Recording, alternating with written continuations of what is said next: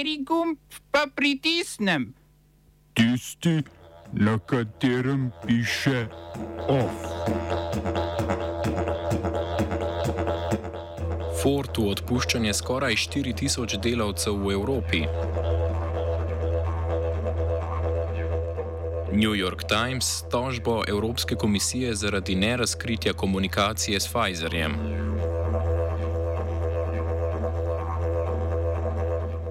Stavka Voltovih delavcev v Zagrebu. Vlada pa je razrešila tri člane skupščine Zavoda za zdravstveno zavarovanje.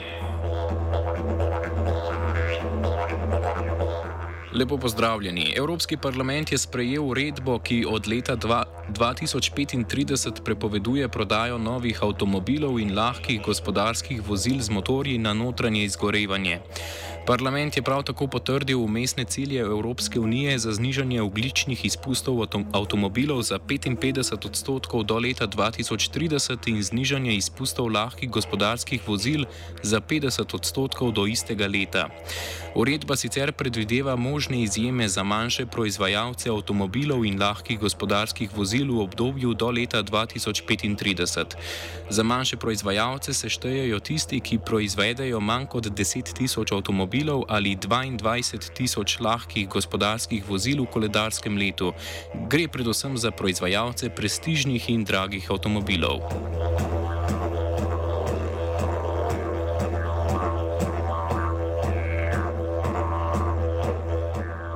Ameriški avtomobilski, avtomobilski proizvajalec Ford je napovedal odpuščanje v Evropi. V treh letih bo po napovedih podjetja v Evropi službe izgubilo približno 3800 zaposlenih. Del odpovedi so pri Fordu utemeljili s prehodom na proizvodnjo električnih avtomobilov.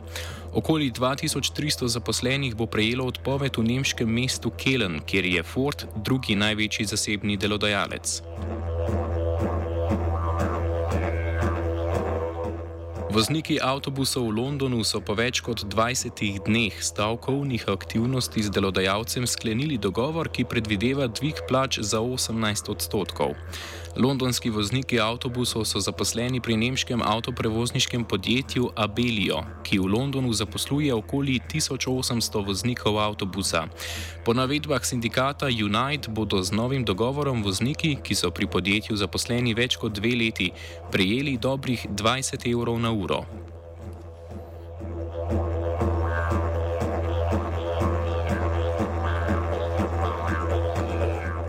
Voltovi dostavljavci v Zagrebu so zjutraj protestirali, ker trdijo, da so jim kršene delovske pravice. Dostavljavci si želijo večjega plačila, ureditve dela za tuje državljane, izboljšanja aplikacije in dela prek lastnega podjetja. Volt je za čas protesta dvignil cene dostave, saj je bilo na ulicah manj dostavljavcev. Delavci, združeni v inicijativo dostavljavcev Volt, si želijo predvsem pogajanja z vodstvom podjetja.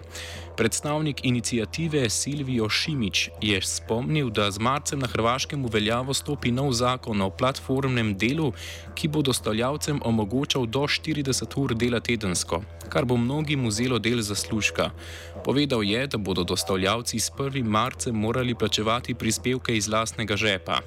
Po protestu so predstavniki podjetja podpisali dogovor s štirimi predstavniki dostavljavcev, v katerem se zavezujejo, da se bodo z dostavljavci pogajali o njihovih zahtevah. Del dostavljavcev pa je tudi za jutri napovedal nadaljevanje protestnih aktivnosti.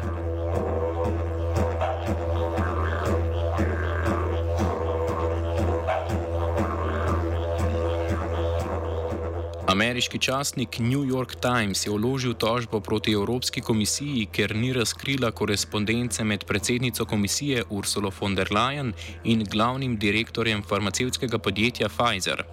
Telefonska sporočila naj bi se nanašala na evropski zakup skoraj 2 milijard odmerkov cepiva proti COVID-19. Po prošnji nemškega portala Netzpolitik za razkritje sporočil je Evropska varuhinja človekovih pravic Emily O'Reilly pred letom dni ugotovila, da komisija pisarne predsednice ni zaprosila, da poišče sporočila. Evropska komisarka za transparentnost Vera Jurova je kasneje zatrdila, da so bila sporočila izbrisana zaradi njihove minljive narave.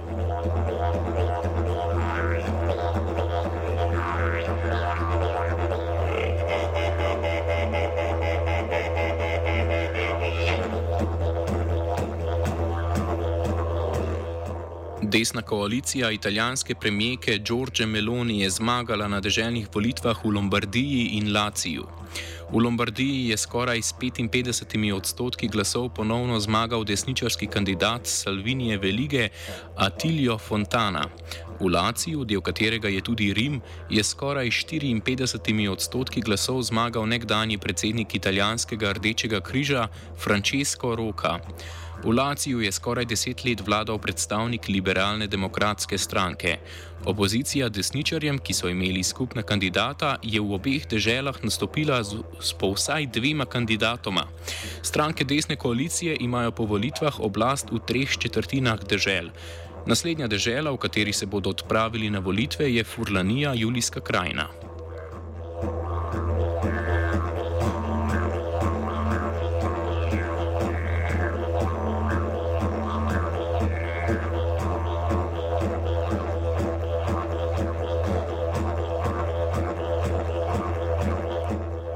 Policija v Tuniziji je aretirala vidnega člana največje opozicijske stranke Enahda, Birija, Nuredina Birija in predstavnika radija Mozaik FM Nuredina Butara. Radijska postaja je večkrat gostila kritike predsednika Kaisa Sajeda. Birija je bil lani dve, dva meseca v priporu zaradi obtožb o pomoči islamski državi v Siriji. Sajed je lani prevzel oblast in provedel spremembe ustave. Letošnje parlamentarne volitve pa so Tunizici na poziv opozicije bojkotirali.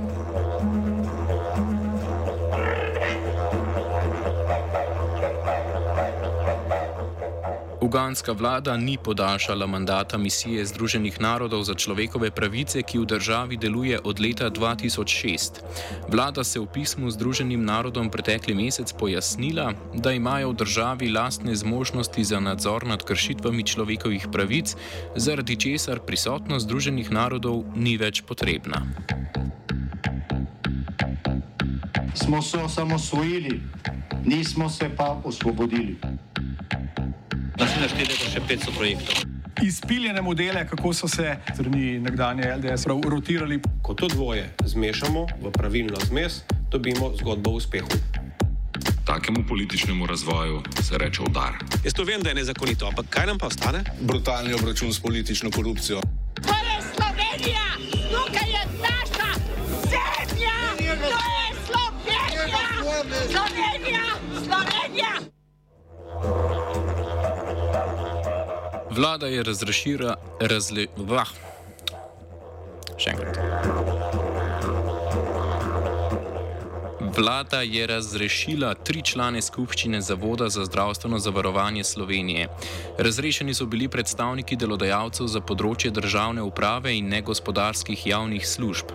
Vlada pa je do konca trajanja mandata imenovala nova člana skupščine in sicer Petra Štembergarja in Mirando Grof Ferjančič. Skupina, skupi, skupščina je na izredni seji obravnavala napovedano zdravstveno reformo. Na seji je bil tudi zdravstveni minister Daniel Bešič-Lorenz. Loredan, ki je zbranim povedal, da vlada zavoda ne krivi za trenutno stanje v zdravstvu, vendar zavod po njegovem nosi odgovornost za smotrno porabo denarja. Člani zavoda so od ministrstva zahtevali odgovor, zakaj namerava vlada zdravstveno reformo začeti ravno pri zavodu in bili kritični do ministra, čež da dajo vtis, da razprava ni dobrodošla.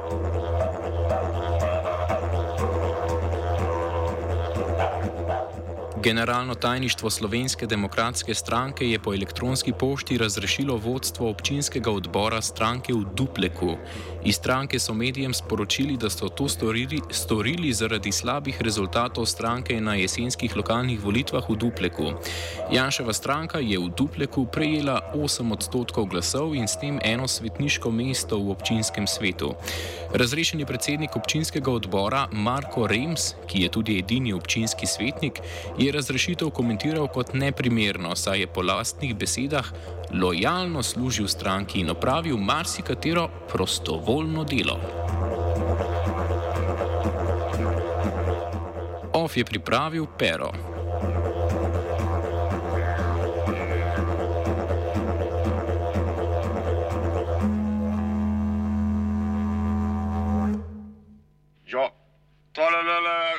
študent, pa do Pangrč grmane njase. Ja, kako da naj? Jaz ga imam na tem internetu. Jošk, už prežgal ali te prežgem?